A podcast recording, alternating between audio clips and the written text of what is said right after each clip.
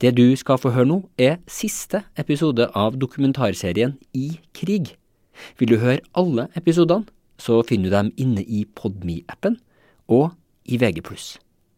Gå inn på vg.no podme for å finne ut mer.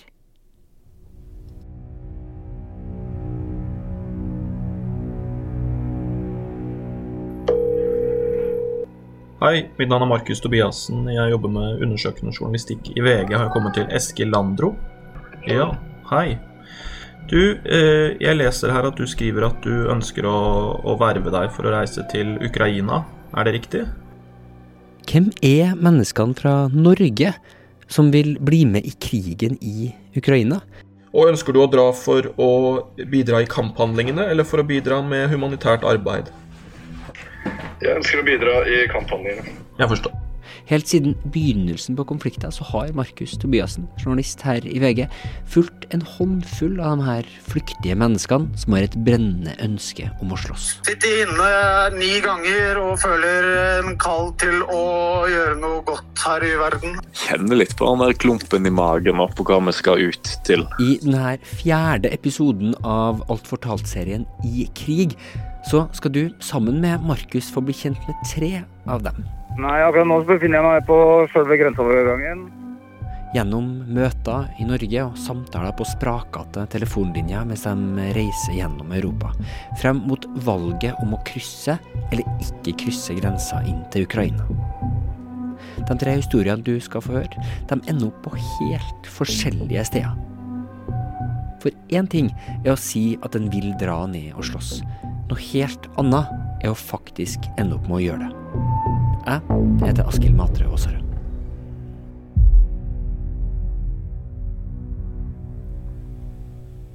Jeg er jo overrasket over, over at de ønsker å dra og kjempe i denne krigen. Det her er altså Markus Tobiassen. Han, sammen med kollegaer her i VG, bl.a. Ådne Husby Sandnes, Runa Victoria Engen, Laya Rashid og Ola Haram, har prøvd å få tak i fremmedkrigerne før de reiser nedover. Ifølge Markus sjøl så er han ikke en journalist som får folk til å åpne seg, som han sier det sjøl. Han er en ganske hard gravejournalist, og intervjustilen hans er effektiv. Hvor mye penger har dere med dere? Men likevel, eller kanskje akkurat derfor, så har de her tilsynelatende harde mennene som Markus har snakka med, begynt å åpne seg i løpet av den tida de har snakka sammen. Ja, Etter hvert i noen av samtalene så har det jo kommet fram litt mer om motivasjon for hvorfor de har ønsket å snakke med meg også. En del, og noen av dem har jo sagt det at øh, hvis jeg dør, så ønsker jeg at det skal øh, stå igjen noe etter meg som får forklare hvorfor jeg dro, da. Og da har denne historien blitt noe mer enn bare ei fortelling om folk som grunner på om de skal reise inn i krigen.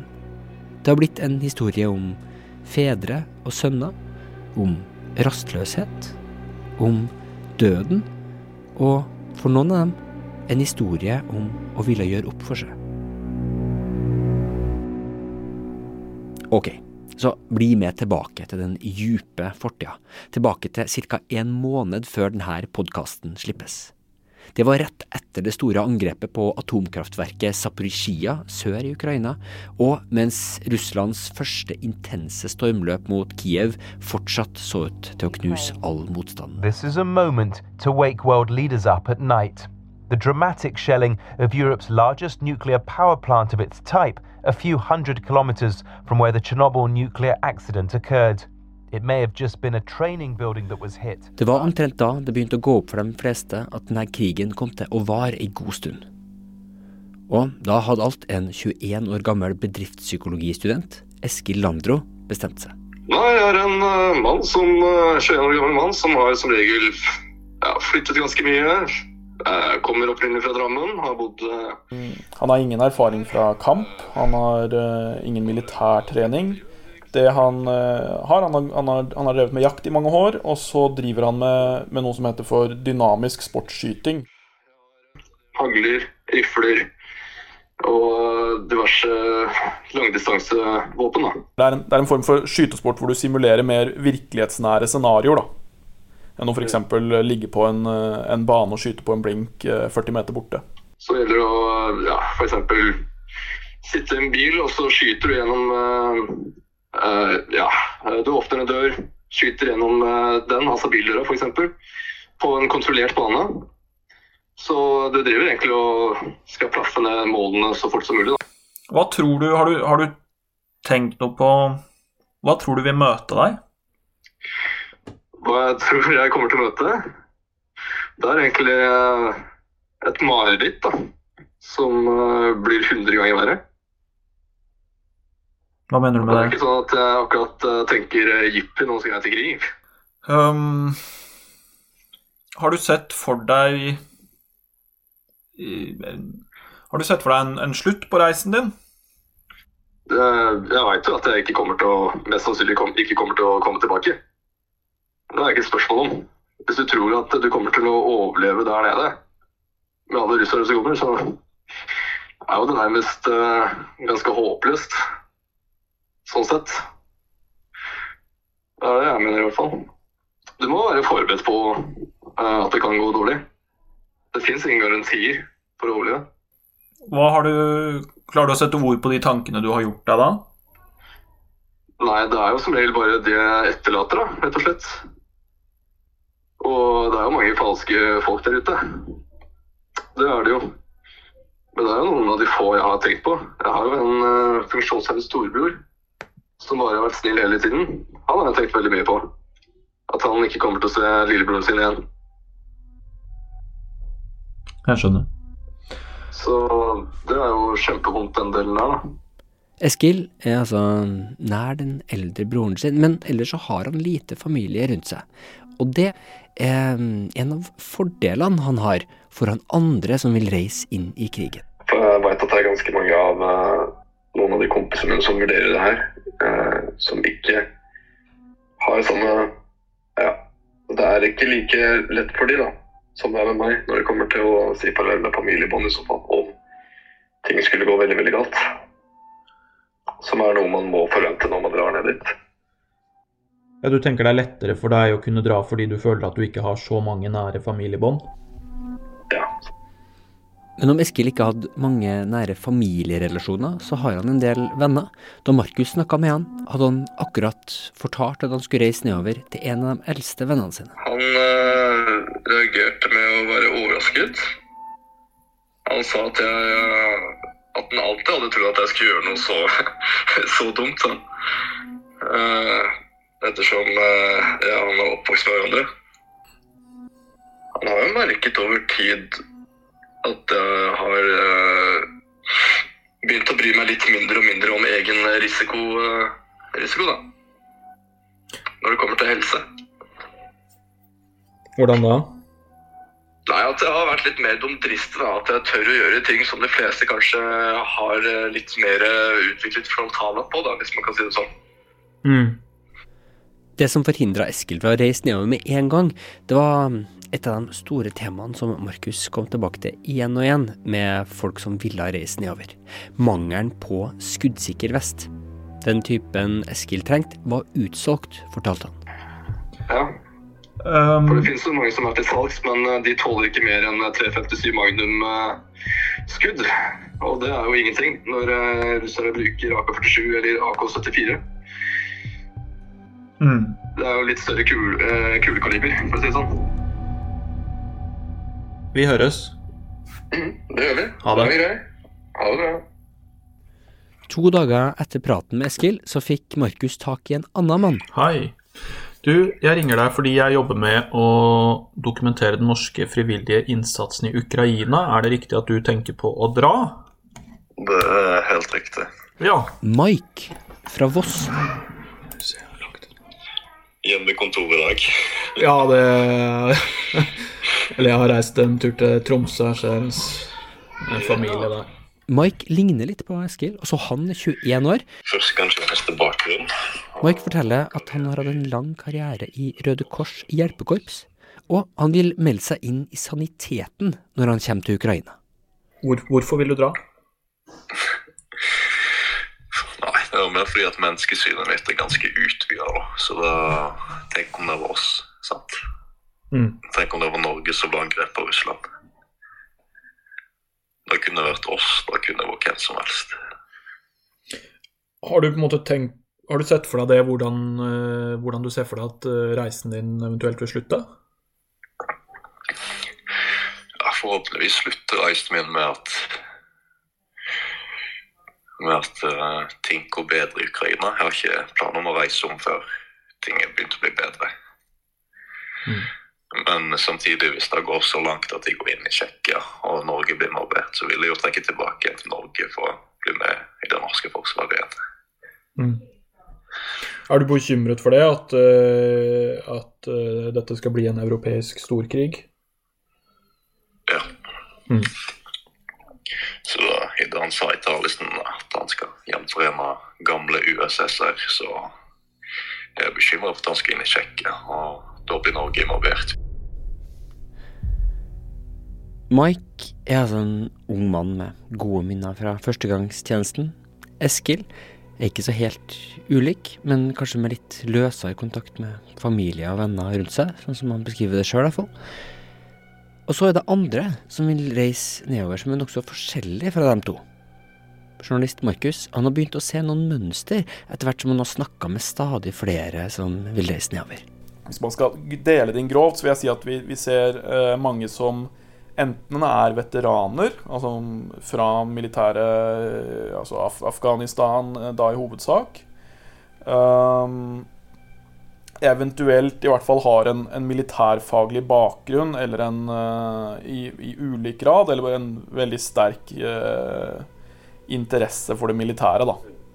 Og så har du eh, så har du en del som, hvor fellesnevneren nok er at de er eh, enten veldig idealistiske eller veldig empatiske. At de eh, føler på et, et, eh, et voldsomt kall for å hjelpe, for å gjøre noe. Um, og så har det vært en, en tredje gruppe som også pekte seg ut der, som, som har den fellesnevneren at de, at de har hatt en, en løs, løsere enn de fleste av oss, til, altså en, en tilknytning til sivilsamfunnet som har vært løsere enn for de fleste av oss. da. Det kan handle om ting som at de, um, at de har lange rulleblad, at de har sittet mye i fengsel. Noen av dem har rushistorikk. Noen av dem har begge deler. Um, vært utenfor arbeidslivet. Færre av liksom de, de tingene som uh, de fleste av oss uh, Som binder oss litt inn i, i uh, sivilsamfunnet, da. En av dem som passer tydeligst inn i denne siste gruppa, er den tredje mannen du skal få bli kjent med i denne episoden. Hei, Kim. Kim Valhall heter han. Eller han har i hvert fall gitt seg sjøl det etternavnet, sjøl om det i passet står et annet navn. Uh, Kim André Valhall han er ganske åpen om hva som er fortiden hans. Som han sier selv, um, han har sittet i, i fengsel ni ganger. Han, um, han har en lang historie med rus. Han er domfelt flere ganger, og mesteparten av de her dommene er for vold. Det er han uh, tydelig på selv. Så har han i, i gjort flere forsøk på å på en måte få livet få, Finne en annen kurs i livet sitt. Ja, han er, han er øh, bevisst sin egen rolle som en outsider i samfunnet, da. Uh, jeg er 35 år. Jeg har uh, en bakgrunn som tilsier at jeg har ikke noe å tape med å reise nedover. Jeg har en tøff oppvekst osv. Jeg har uh, sittet inne ni ganger og føler en kall til å gjøre noe godt her i verden. Jeg har ingen militær erfaring. Jeg har heller ingen uh, krigserfaring, for å si det sånn. Jeg reiser ned helt og holdent frivillig, og der de måtte trenge meg, der uh, Ja, jeg reiser med dit for dit dere måtte trenge meg for. Det kan du. Jeg må bare, bare si ifra til deg. Jeg står og venter på en eh, buss uh, som jeg skal på. sånn at uh, når jeg skal gå på den, så må jeg bare betale. Så det blir litt opphold, bare. Det går bra. Uh, Jeg er på vei til en, en bror som ikke skal bli med, som jeg skal prate litt med. Veit jo aldri om det er siste gang. Så det, ja, jeg sover så Jeg sover ikke godt om dagene nå. Eh, Det det er mye nerver, men det er mer spenning enn eh, redsel. Jeg føler meg ikke redd. Ikke i det hele tatt. Eh, Selvfølgelig, jeg har jo respekt, respekt for døden, men livet mitt er liksom Jeg har lurt, noen, har lurt døden noen ganger, og jeg er ikke redd for å dø. Jeg er redd for måten jeg eventuelt kommer til å dø på. Mm. En ting jeg kan stå er å være stor i kjeften sånn på avstand. Jeg veit ikke åssen jeg vil reagere når jeg kommer ned. Mm. Det skal sies. Kim skulle ikke reise nedover alene. Han reiste sammen med gjengen sin, bokstavelig talt. Det er to klubbgutter som reiser nedover. To av eh, tre som reiser Ja. nedover. Mongrel Mob, eller The Mighty Mongrel Mob, er en gategjeng som har sitt opphav i New Zealand på 1960-tallet. Logoen deres varierer litt, men er alltid en britisk bulldog. Noen ganger med en eh, sånn ikonisk tysk militærhjelm på hodet. Det er, Han beskriver det selv som et, eh, et brotherhood. Ja. En form for eh, Hva skal man si? Et, et form for brorskap, da. En klubb for, for sånne som meg, som har hatt en litt røff oppvekst og som har mangla noe og savner noe tilhørighet. Ja, Mm. trygghet i ryggen, sånne ting. Kim forteller at han eh, alt har en venn som er i Ukraina, innrullert i Fremmedlegionen. Det er denne vennen han stoler på. VG har møtt denne personen på innsida av Ukraina, men han vil ikke la seg intervjue. Og så er eh, informasjonen som jeg får av det er det jeg satser eh, alle korta mine på. Ja. ja vi, vi meldes på. La oss gjøre det. Kje- Kjempeflott. Ha det. Greit. Du, hei. To dager senere, på dag 16 i krigen, så snakka Markus igjen med Kim Valhall. Da var han klar til å reise nedover. Markus møtte han og resten av reisefølget hans den grå vårdagen i Oslo. Mennene de sto og så utover Operaen og Oslofjorden sammen, kledd i sine mongol mob-vester. De hadde bagasjen med seg, klar til å ta bussen til Torp, og derfra flyet til Polen. Jeg, bare, jeg spør direkte her, så må det, det er lov å si det jeg har ikke lyst til å svare på. Bare, hvor mye penger har dere med dere? Nada, egentlig. Jeg tror jeg har 174 kroner på kortet. Og det er kortet, du har ikke tatt ut noe cash? Nei, nei, nei. Jeg fikk, vi fikk beskjed i går å ta ut cash. Men igjen, og, jeg vet ikke helt åssen valuta. Jeg tenker euro, men eh, nå er ikke de noe EU-land igjen, som Polen er. Men euro er jo liksom sånn allround valuta, da. Ja, euro er gangbart. Så dere nei, har, vi- dere har billetten, og så Billetten. Det er vel egentlig Jeg hadde jo, litt, jeg hadde jo 1500 kroner, og så gikk det jo et par hundre kroner til sigg og sånne ting. Og så det blir litt sånn samme, på en måte samme måte. Jeg Liksom, har- jeg har ikke så jævlig mye, jeg har ikke så jævlig mye å tape. For Du kan tape livet, da. Liksom, det er jo en ting. Men da taper man det for noe som er, ja, som er verdt det. da. Men selv om Kim hadde kjøpt seg billett nedover og var klar til å, å reise, så skulle det vise seg at det var noen skjær i sjøen. Det var i de her tidlige dagene i krigen at det begynte å spre seg nyheter i de forskjellige forumene for folk som ville være fremmedkrigere, om ei kontrakt en måtte signere om en skulle inn i den nyoppretta ukrainske fremmedlegionen. Ei kontrakt som potensielt kunne gjøre at soldater ble bundet til å være lenge i krigen. Det er en kontrakt hvor du, hvor du blir en del av eh, de ukrainske styrkene, og jo da underlegger deg eh, deres myndighet med de plikter det innebærer. Det var VGs Ådne Husby Sanne som eh, først fikk tak i og skrev om den her mye omtalte kontrakta. Det det har vært mye usikkerhet knyttet til, som for så vidt ikke er direkte omtalt i kontrakten, er jo i, vil, i, i hvor lang tid du i så fall vil være forpliktet til denne kontrakten. Og så, etter at nyheten om denne kontrakta hadde satt seg, så skjedde noe som virkelig satte en støkk i mange av dem som ville reise. Samtidig som Kim Valhall var på vei nedover, så angrep Russland fremmedkrigere. Around 25 miles west of the city. It's not far from the Polish border. Angrepet ramma en treningsleir helt på grensa mellom Polen og Ukraina. En leir hvor mange fremmedkrigere ble trent opp. Markus snakka med Kim Valhall da han hadde kommet frem til Polen. Hei, Kim. Funker det nå?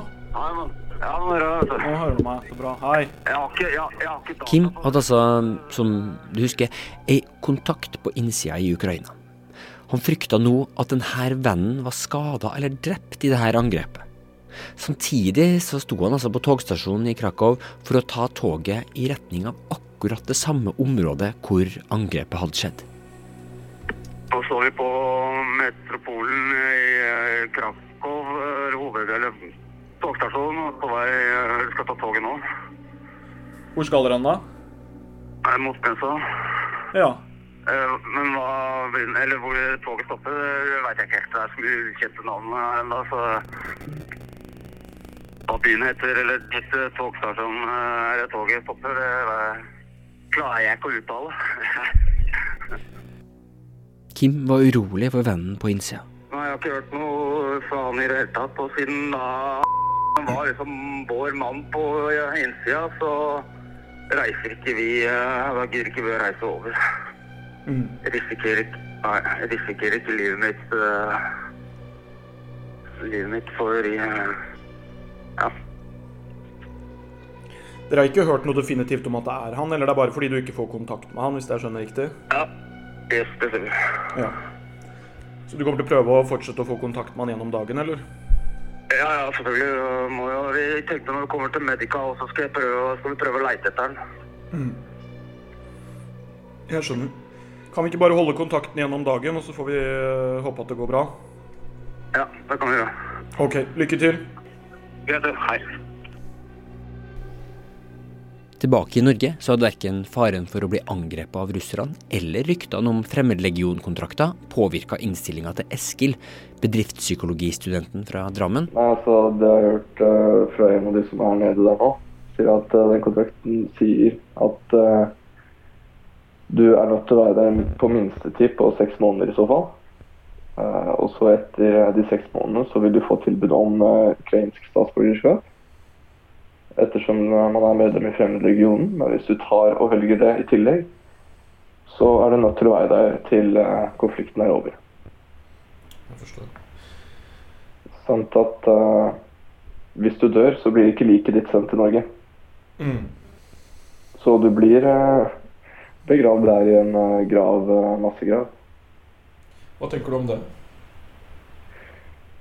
Nei, for min del så eh, spiller ikke det noen rolle. Jeg har jo alt betalt eh, på min egen begravelse her i Norge. Og det er jo bare en sånn eh, offentlig fellesgrav, så det gjorde jeg jo etter faren min døde.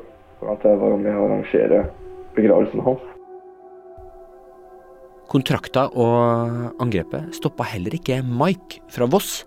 To dager etter at Kim ankom Polen, så var også Mike på vei nedover. Akkurat nå befinner jeg meg på båt. Ja, da skal vi fra Bergen til Danmark. Kroppen er full av spenning og litt nervøs og ja. Spent generelt. Kjenner litt på den der klumpen i magen og på hva vi skal ut til. De neste par dagene så kom ikke ting til å gå som Mike hadde planlagt. Det samme gjaldt Kim fra Mongol Mob. Akkurat samme dag som eh, Mike satte seg på båten, så var Kim frem ved grensa. Der hadde han, mot det som var den originale planen da de dro fra Norge, blitt en del av den myke delen av krigen. Det storstilte humanitære arbeidet som foregikk på grensa. Hallo. Hei, Kim. Det er Markus her. Hei, du. Nei, akkurat nå befinner jeg meg på selve grenseovergangen.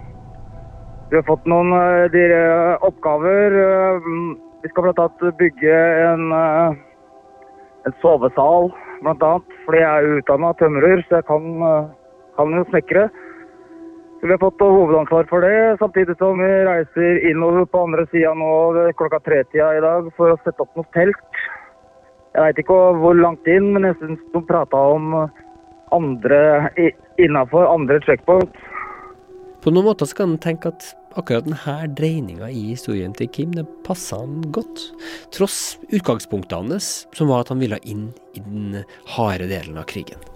Kim han beskriver vanskelige, vanskelige ting i livet sitt helt fra barndommen, men han har likevel eh, Han har likevel eh, familiekontakter. Um, og han beskriver også et ønske om at det skal skal eh, Et ønske om at det skal stå igjen noe godt etter han for, eh, for familien hans, da. Ja. The first one this side. Yeah. Oh, thank you. Now the other side. Thank you. You're welcome. Hva var det som skjedde? Hæ? Nei, jeg måtte bare hjelpe til en med å løfte over en kurv med øh, vann. Veldig Det har vært veldig eh, hva skal jeg si, inntrykksfullt. Eh, Rørende. Og ærefullt, ikke minst. Lykke til med arbeidet dere holder på med. Takk for det. Ha det godt. Greit. Hei.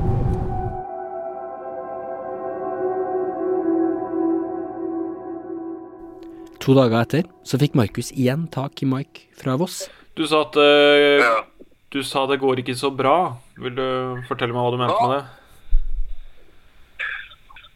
Nei, han er ene av oss, han, eh, han ble pågrepet av politiet.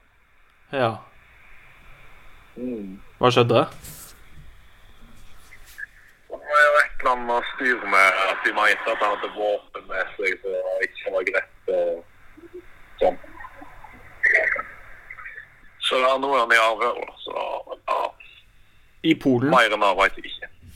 Ja. Ja. Og hva gjør dere andre imens? Nei, da må vi vente da, til vi vet mer før vi reiser. For vi reiser ikke på han, det er noe helt klart. Mm. Skjønner. Jeg, jeg, det også. ja. Nei, Da du sa det, så begynte jeg å lure på om du hadde, om du hadde fått skjelven eller noe. Ja, nei, altså med til deg kommer vi uansett, så du trenger ikke bekymre deg. Denne samtalen, 18. mars, var siste gang Markus hørte fra Mike på 14 dager. Også Eskil, han fra Drammen med broren, husker du, reiste til slutt nedover. Han fikk tak i det utstyret han mangla via en annen nordmann som skulle til Ukraina. De reiste nedover sammen. Sist gang jeg uh, hørte fra Eskil, Ja, jeg hørte ikke det. Nei, jeg kunne høre deg. så var han i Polen på vei mot uh, grensa over til eh, Ukraina for å verve seg i Fremmedlegionen. Jeg kjenner meg ganske fin, sånn sett. Uh, jeg ble ganske mye mer roligere i tillegg. Så jeg forklarer. Det er et veldig sprakete opptak, så det er litt vanskelig å høre hva han sier. Kjenner meg ganske fin. Ble ganske mye roligere da jeg kom hit og så flyktningstrømmen. Altså, jeg visste at jeg ville gjøre det her, men det var liksom ikke en gang jeg kom grensen og så uh, de flyktningene. Da tenkte jeg at uh, her er det rette. Men jeg visste jeg ville gjøre dette her. Da jeg så flyktningene, visste jeg det var det rette. Kjempefint. Da høres vi. Ha det godt. Så forsvant altså Eskil og Mike for Markus.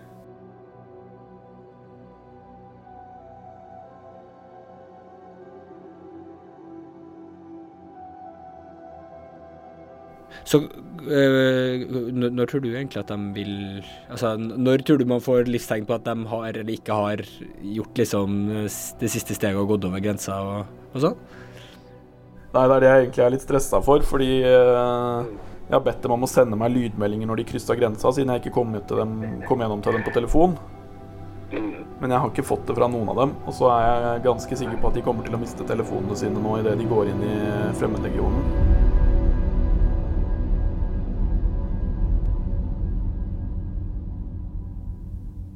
Den praten du akkurat hørte med Markus, den hadde jeg to uker før denne podkasten ble publisert. I tida siden da så har historiene til de tre vordende fremmedkrigerne tatt tre helt forskjellige retninger. Ta historien til Eskil, han med broren fra Drammen. Vi vet ikke hvor Eskil er akkurat nå. Det vi vet er at han dro til eh, Polen med retning mot grensa til eh, Ukraina. Og sist eh, vi snakket med han, så var han eh, på vei mot den grensen. Men han har ikke vært helt stille. Dagbladet laga en reportasje om reisefølget til Eskil, som fulgte dem en stund etter at de kom til Polen, før de også mista Eskil av syne.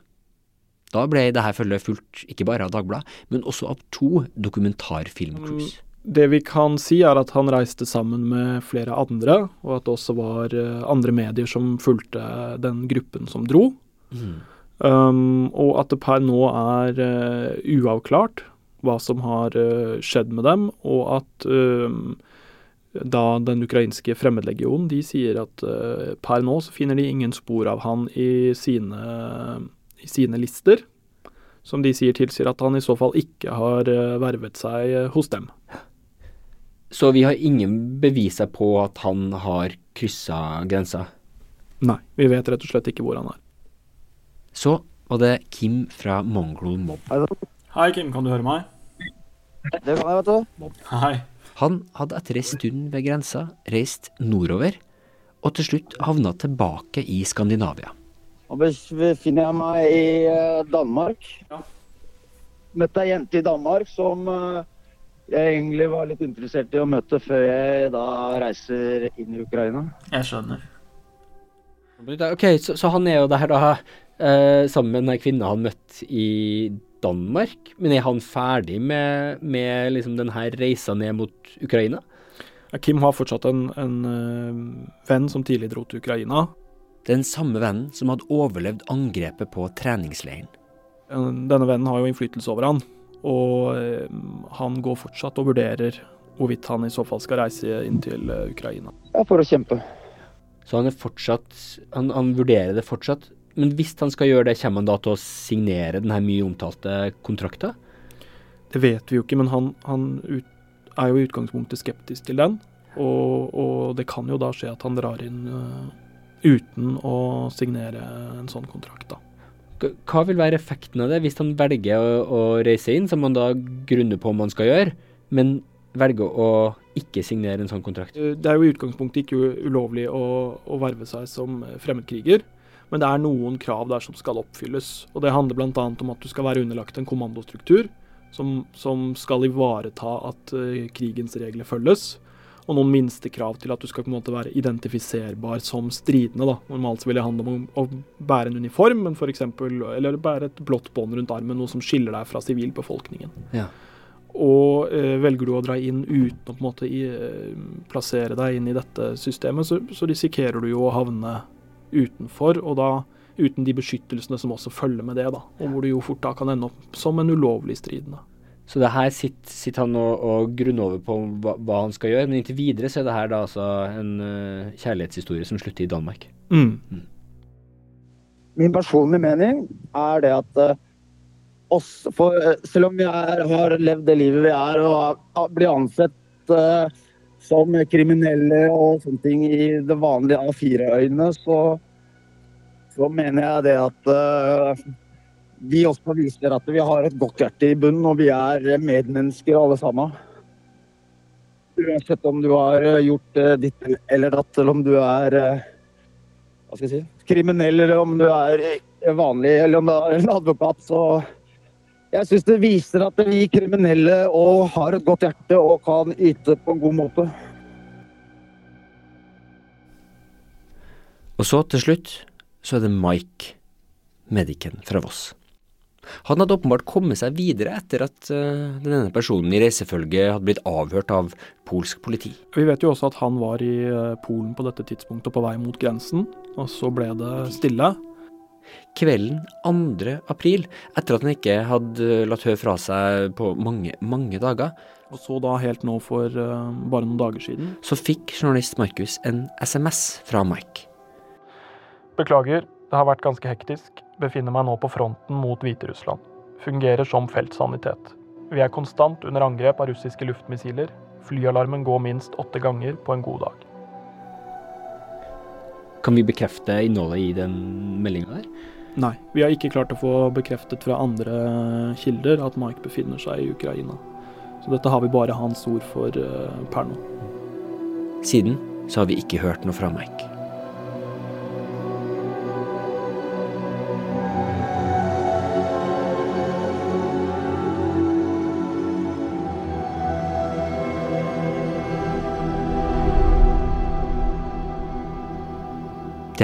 Som du har hørt nå, det er, i alle fall inntil videre, den siste episoden av I krig. For det kommer en helt ny podkastserie i Alt fortalt aldeles straks. Men vi følger de norske fremmedkrigerspirene videre, samt alle de ulike skjebnene i og rundt krigen i Ukraina. Det vil du få lese, og kanskje også høre, mer om i VG i tida fremover. Denne episoden av I krig er laga av Markus Tobiassen, Ådne Husby Sandnes, Runa Victoria Engen, Lara Rashid, Ola Haram og mange flere. Musikken den er spesialkomponert til I krig av Ronny Furvik. Jeg heter Askild Matre Aasare. Du har hørt en podkast fra VG. Ansvarlig redaktør, Gard Steiro.